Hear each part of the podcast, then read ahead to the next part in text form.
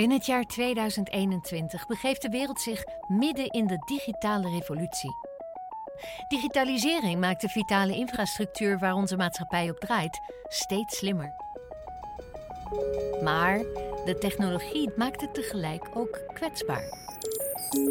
Met de digitalisering van ziekenhuizen, elektriciteitsnetwerken, bruggen, fabrieken en transport is dit een existentieel gevaar geworden voor onze samenleving.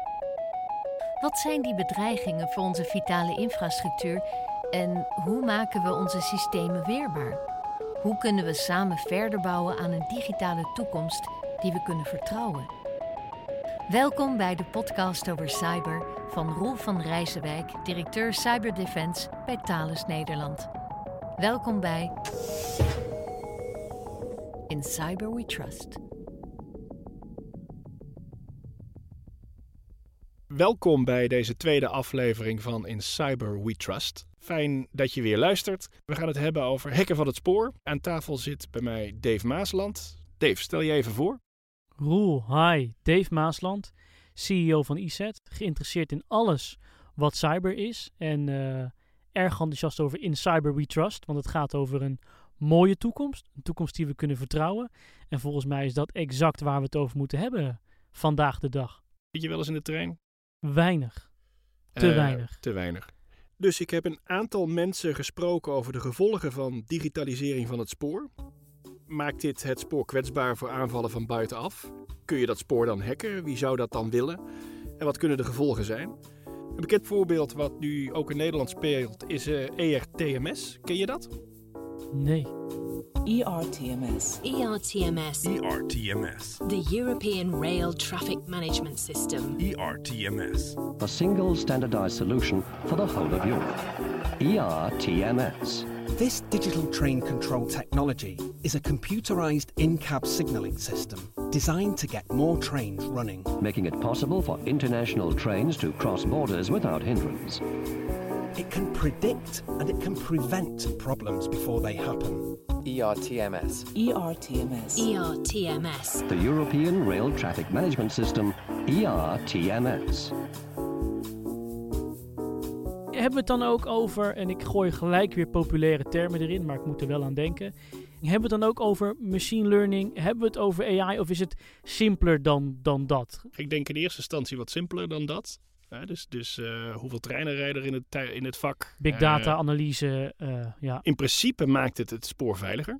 Ja, natuurlijk nu meer informatie beschikbaar. Niet- Alles niet- wordt berekend. alles wordt berekend ja. en geautomatiseerd uitgevoerd. Hè, dus dat is, dat is veiliger. En daardoor kunnen er meer treinen tegelijk op één baanvak. Waardoor je dus het spoor efficiënter kan benutten. Dat is eigenlijk het grote voordeel. En, en dat is natuurlijk het onderwerp voor vandaag, dat digitaliseren maakt het ook kwetsbaar voor aanvallen van buitenaf. Ik heb hier ook over gesproken met eh, Ronald Hel. Ronald Hel is eh, partner bij KPMG van het eh, cybersecurity team daar. En het domein waar hij zich op richt is met name IT-OT, dus operationele technologie, kritische infrastructuur en dan specifiek spoor.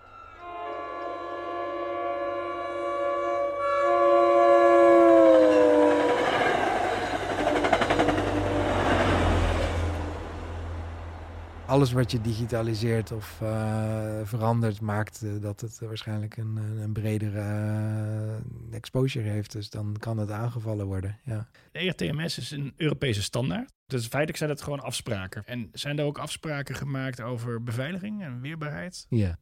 ja. Kunnen we daarop vertrouwen?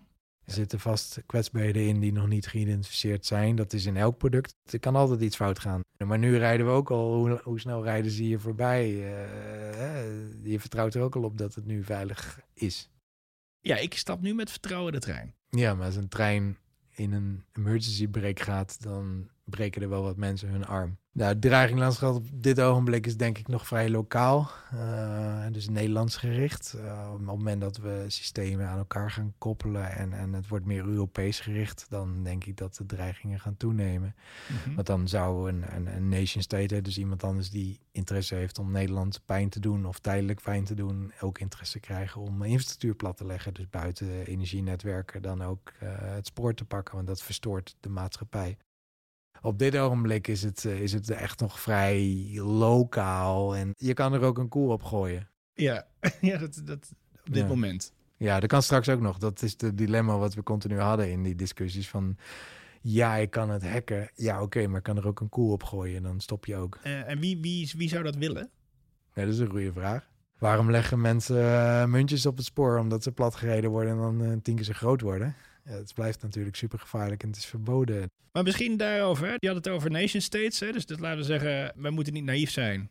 Je moet er rekening mee houden dat het ooit kan voorkomen dat er een land is die om wat voor reden dan ook er belang bij heeft om eh, hier chaos te veroorzaken, dingen te verstoren. Ja.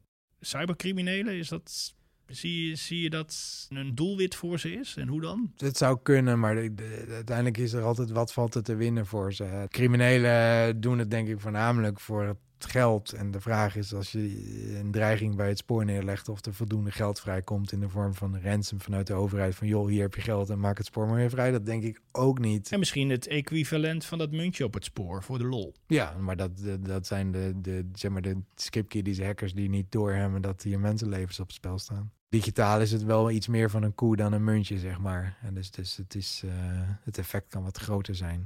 Wat me goed bij is gebleven is dat wij eh, tijdens de werkzaamheden voor eh, ETMS ook eh, bij een testlocatie mochten zijn. En daar deden ze een emergency break. Dus op het moment dat de trein gecontroleerd gaat remmen, maar wel echt op de maximale capaciteit. En ja, dat was voor mij echt eh, shocking.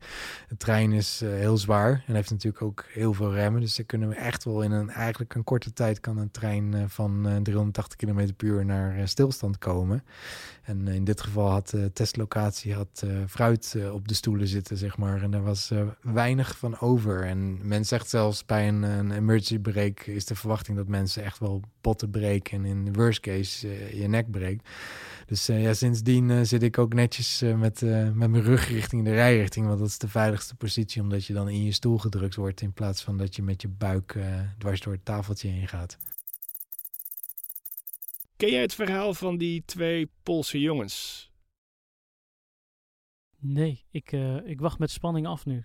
Een aantal jaren geleden zijn er twee jongetjes, twee Poolse jongetjes geweest van eh, 14, 15, 16 jaar oud.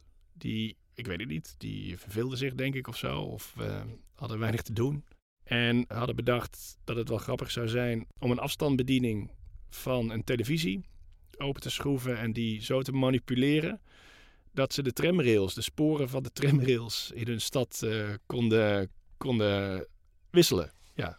Ja goed, we lachen er nu om, maar ik, ik ken de gevolgen nog niet. Dus nou ja, dat, dat ik is wacht het. hè. even af. Nou, dit is, dit is dus een voorbeeld van hacken van het spoor. Door twee jonge hackertjes. Want je wordt zo geboren natuurlijk. Die waarschijnlijk de consequenties niet helemaal overzagen. Of zich niet helemaal bewust waren van hoe gevaarlijk dit is. En die dat ook nog eens voor elkaar krijgen. Hè? Dus ze hadden wel zekere skills. Want het is best wel knap. Toch? Om, Ja, eh, eh, ja. Die leeftijd, absoluut. Ja, en dat is interessant. Dus ik dacht, ik ga ook eens spreken met eh, Ricky Gevers. Ricky is een, een, een bekende hacker. Die ken je? Ja, uiteraard. Ook iemand die wel eens een muntje op het treinspoor heeft gelegd. Ja.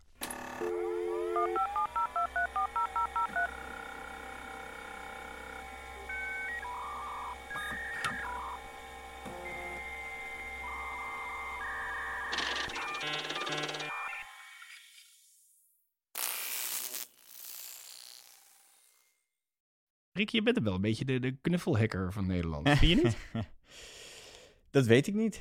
Ik word het meest gevraagd omdat ik gearresteerd ben. Je hebt de grens opgezocht en Ja, overtreden. Ja. ja nou in mijn geval is het... Ik ben eh, ook wel willens en wetens die grens overgegaan hoor. Mhm. Maar in die periode werd je nog niet gearresteerd.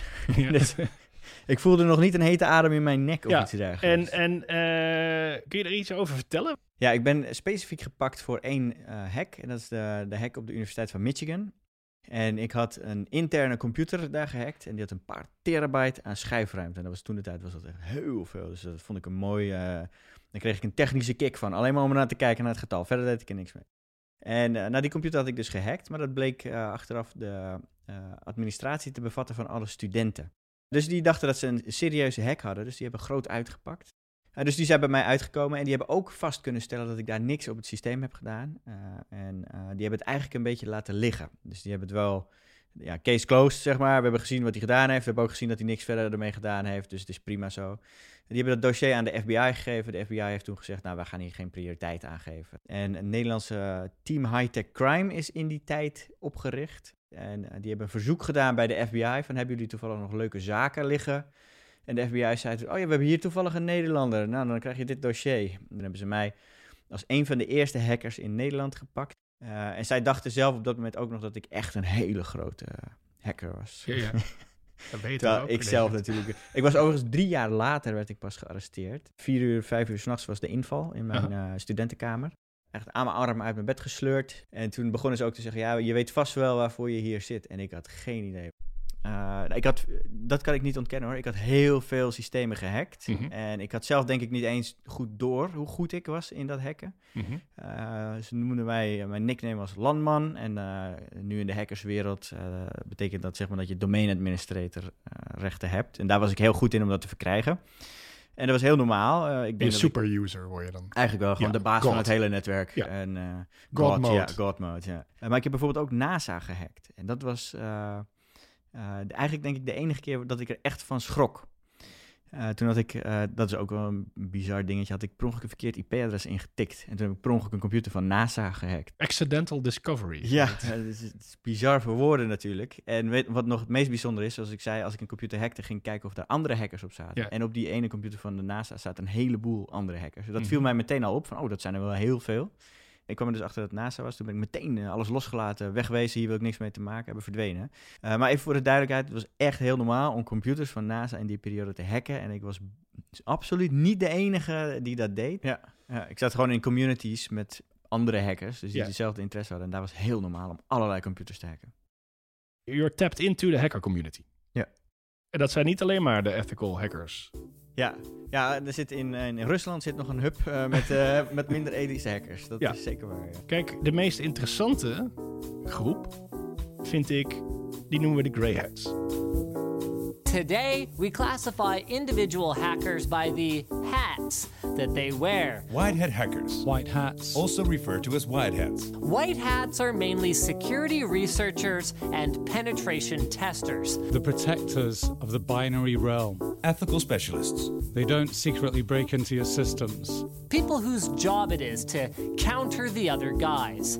Gray hats, Grey hats. gray hats, they act without permission from their targets They might get into your company's computer system and tell you about it. you can either pay them or hire them to fix your problem. and the way in which they use any data they access comes down to their personal moral code. Black hats, Black hats. Black hats, meanwhile, are usually the ones making splashy headlines, the villains of our story, They steal information. the anti heroes. as they have no problem flouting the law to profit at someone else's expense or even to just cause damage. Als ik zo'n hack uitvoerde, eh, dan was ik nooit voor persoonlijk gewin daarin bezig. Dus ik ging nooit eh, geld stelen van iemand, of foto's bekijken, of een computer kapot maken. Het enige wat ik deed, was kijken of ik die computer kon hacken. En dat was de technische uitdaging dus eh, voor Mhm. mezelf. En het bijzondere was dan dat ik op die computer ging ik dan op zoek naar andere hackers. En die ging ik dan verwijderen, ook nog eens. Eh, Mhm. en ik maakte die computers veiliger. Dus ik zorgde dat ze de, de volgende keer hoe ik binnengekomen was, zeg maar, dat een andere persoon van een andere hacker daar niet binnen zou komen. Dus En je hebt geen kwade bedoelingen. Nee, en zelf vond ik dat eigenlijk dat ik heel goed bezig was. Ja. Sterker nog, ik deed dat voor gratis voor al die mensen. Mhm. En ik had af en toe bijna het gevoel, jullie horen mij te betalen, jullie moeten dankbaar zijn. Ja. Weet je wel, dat, eh, dat idee. Overigens nooit natuurlijk dat geuit hoor, maar op, om die manier heb ik het natuurlijk een beetje voor mezelf wit gewast. In, Mhm. mijn, in mijn hoofd ook. En denk ik ook wel dat ik dat makkelijker heb kunnen doen. Ja, zeg maar. je kunt als, laten we het grey hat hacker noemen, achterkomen dat er ergens security niet op orde is. Maar als je dat meldt, dan loop je het risico Ja, dat je op je flikken krijgt, toch? Ja, inderdaad. Ja. En een beloning, dat zit er meestal niet in. En als het een, eh, een interessante kwetsbaarheid is, een zero day, maar dan kun je het ook ergens anders melden en dan krijg je er heel veel geld voor. ja, tegenwoordig wel, ja. En de, de, de responsible way, die is niet de makkelijkste. Nee, nee het is, eh, ik heb dat zelf in mijn periode, toen had je dat nog allemaal niet. En toen heb ik wel eens, ben ik naar beheerders toegegaan om te melden gewoon nou hoe het zat. En de reacties waren altijd een beetje 50-50. twee extremen heel erg daarin. Dus je Ja. hebt mensen die zich echt heel erg in hun voeten geschoten voelen en eh, meteen in een agressieve stand gaan. Ja. En dat is gewoon, eh, ja, als jij iemand wil helpen, is dat niet een fijne situatie Ja. natuurlijk. Eh, dus wat je dan doet als hacker zijn is, nou ja, dan laat je het maar zitten en dan los je het probleem maar niet op. Terwijl ik ook heel veel voldoening eruit kreeg als het probleem dan opgelost werd. Hè. Maar toen de tijd had je nog niet de, de programma's, dus dan liep je enorm veel risico om dat te doen. Als je nadenkt over spoor, openbaar vervoer, het is ook een heel aantrekkelijk target voor de Ricky van 18. Ja. Hè, want als ik de matrixborden op het station van Utrecht, eh, als ik daar een leuke tekst in zag, ja, dat, dat, Geweldig. Ja, toch? In die leeftijd, hè, dus zeg van 14 tot 18, dan is jouw morele kompas nog niet helemaal eh, eh, wat het moet zijn, zeg maar. Of, Je bent het nog aan het ontdekken. Ja, Ja, ja. precies, ja. En dan ben je ook heel erg nog bezig met ja, stoere dingen. Eh, ik denk dat dat de beste manier is om het te omschrijven. En als je dan achter zoiets komt, dan denk jij letterlijk van... Nou, als ik dit vertel tegen mijn vrienden, dan ben ik de man. Weet Ja. je? Dat, en dat is een, een, een motivatie die heel sterk kan zijn en dus ook voor hele heftige dingen kan zorgen. En dat is een beetje wat mensen af en toe onderschatten, denk ik. Van pubers komt soms zo'n grote dreiging. Kijk, hoe ik het zie is dat er is een natuurwet. En die natuurwet is dat mensen jouw systeem gaan hacken. Dat kun je niet willen, je kan er tegen zijn, je kan van alles tegen, maar het gaat gebeuren. Eh, en dan kan je maar beter er zo goed mogelijk mee omgaan dan het proberen tegen te houden. Een organisatie met een beetje verstand, die heeft wat we noemen een responsible disclosure beleid. Die zegt niet van, eh, nou, eh, Hier blijf, heb je drie advocaten. blijf met je tengels van mijn systemen af en als ik je betrap, eh, dan ga ik je keihard afstraffen. Maar een responsible disclosure beleid wil zeggen van, nou nee, ik leg jou uit van als jij iets ziet in mijn systemen, een kwetsbaarheid, dan kun je het hier melden. Of zelfs, eh, ik beloon je als dat iets is wat ik nog niet wist. Ja, ik zie zelfs in Amerika volgens mij een vrij volwassen markt als het aankomt om bug bounties. Dus dat is eigenlijk dat je tegen het publiek zegt, nou, dit zijn onze apparaten die we hebben, ze maar. En als je ze hackt, krijg je een eh, mooi prijzenbedrag. Oftewel, zo verleid je dus die grey hackers om eigenlijk iets, iets goeds te doen. Ik zie toch in Nederland dat dat nog niet zo breed wordt gedragen. Merk jij dat ook? Kijk, in principe ligt hier een kans om een bedreiging om te zetten in een kracht. Daar ga ik alleen maar van leren.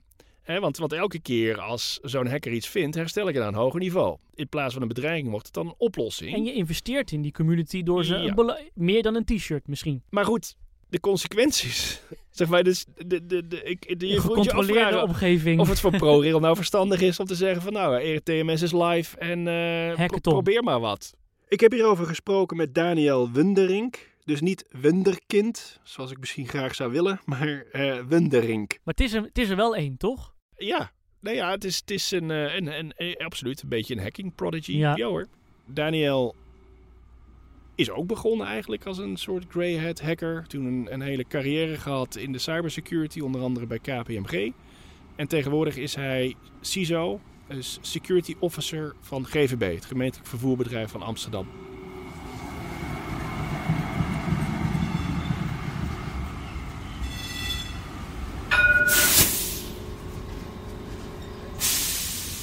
Station Zuid, uitstappende rechterzijde.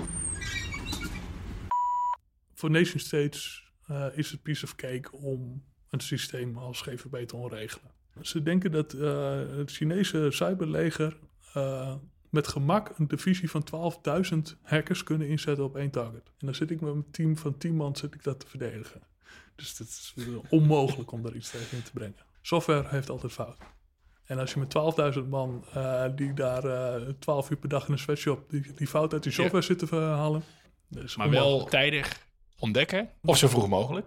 Mijn en volgens goed reageren en herstellen. Inderdaad, ja. Mijn belang is dat eh één, de operatie moet doorgaan. Twee, de mogen, of nee, één, de mogen geen gewonden vallen. Twee, de operatie moet doorgaan. Ja. Als ik dat kan garanderen, ja, dan is het heel erg vervelend dat, dat het licht Ja. even niet aangaat. Maar ja, dat herstellen we dan wel Ja. weer. De grootste threat nu zijn de, de criminele bendes die je de afgelopen twee, drie jaar eh, echt heel hard aan de markt zien gaan. En als je kijkt naar de threat intel, ehm, is het ook realistisch om te denken dat je een eh, bedrijf als GVB of de NS of eh, whatever, een, een, een public transport systeem heel goed zou kunnen kapen. Dus een soort vorm van ransomware. Ja, Ja. ja. Dus ik encryptiesystemen, wil je dat de metro vandaag nog rijdt, dan moet je betalen. Ja. En wat ik dus altijd wel als een, als een reële threat vind, is ehm, gewoon een, een, een, een, een, jongere versie van mezelf. Wellicht met een eh, lichte vorm van autisme of zo. Die denkt van, hé, hey, daar kan ik iets mee. En dat Voor wij de- daar- voor de lol? Ja, wij hebben er allemaal nooit over nagedacht. Bragging rights. Wat, wat wij heel veel zien eh, is, eh, we hebben een nieuwe app bijvoorbeeld van GVB ontwikkeld. En die hebben we wel kapot laten pentesten. En zodra die, die app in de App Store komt, zien we allemaal Indiërs, zien we hem downloaden. En die gaan gewoon dat ding kapot trekken. Ja. En dan krijg ik weer een mailtje van, nou, ik ben, eh, eh, noem een Indiaanse naam Ja. eh, uit, eh, noem een Indiaanse plek. Ik heb je app bekeken.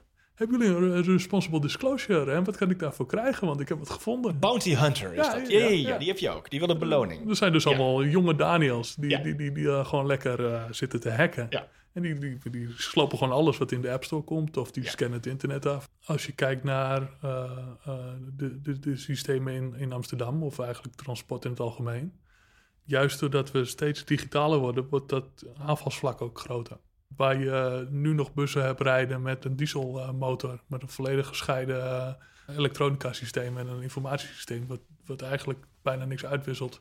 En ook al wisselt het iets uit, ja, die motor kun je toch niet stilleggen. Hebben we nu ook elektrische bussen. Ehm, en toen de, de eerste Tesla bij KPMG binnen werd gerold, want de partner zei, oeh, ik heb een elektrische auto, zeiden wij, mogen een kwartiertje hebben. Ja. En een kwartiertje hadden die jongens van Outflank hadden die hele auto overgenomen. Ja, en wat Tesla ook gedaan heeft, die heeft volgens mij ook eh, prijsvragen uitgeschreven. En eh, mensen zeggen van nou, hier staat er en kom maar op. Is, Ja, dat, eh, ja. is dat iets wat je ook van plan bent? Ja, in een ideale situatie waar al mijn legacy-problemen opgelost zijn, zou ik daar tijd en ruimte voor hebben, ja. En dan lijkt het me fantastisch om te zeggen, jongens, we hebben een nieuw type bus. Kom allemaal een dagje bij ons op eh, kantoor mag je hem slopen. Ik denk dat je dan heel veel aanmeldingen krijgt. Ik eh, durf het wel te wedden. Ik denk dat het een hele leuke eh, Ja. eh, conferentie wordt. Ja, zeker weten. Ja, maar wat je aangeeft van, eh, daar zijn we nog niet aan toe. Nee, en de- ik denk dat dat voornamelijk met mindset te maken heeft. Mhm. Ehm, eh, dus er is altijd een tekort aan geld en mensen en, en, en materieel. Dus het is niet realistisch dat ik dat in de komende tijd eh, eens ga voorstellen van... Goh, laten we eens een hackathon doen op, eh, op de nieuwe tram. Maar ik durf wel te- eh, zeker te stellen dat we dat eigenlijk zouden moeten doen. Ja. Nou, misschien moeten we het wel gewoon als, als staten gaan organiseren. Want hoe vaak ik al wel niet een collega heb die naar me toe komt. Mijn, mijn neefje of mijn zoontje van 14 zit in de shit. Want hij heeft het ontdekt en hij heeft het netjes gemeld. Ja. Dat is, eh, ja, heb ik echt wel tientallen keren al meegemaakt. Dat hij in de problemen kwam. Ja, eh, ja, ja. gewoon een, een jongetje dat, weet ik veel wat, White House.golf heeft gehackt of zo. Ja. En meteen in de shit zit en de FBI achter zijn broek aan krijgt. Ja. Terwijl hij dat gewoon netjes meldt van... hé, hey, ja, ik kwam langs en ik zag dat jullie dit gebruiken... dan kan ik dit doen. Ehm, totaal eh, onbewust van, van alles wat er omheen zit... eh, Ja. waar, waar ik mee begon, weet je wel. Gewoon, gewoon lekker ideeel, lekker aan het prutsen. Ja. En voordat je weet zit je in de shit.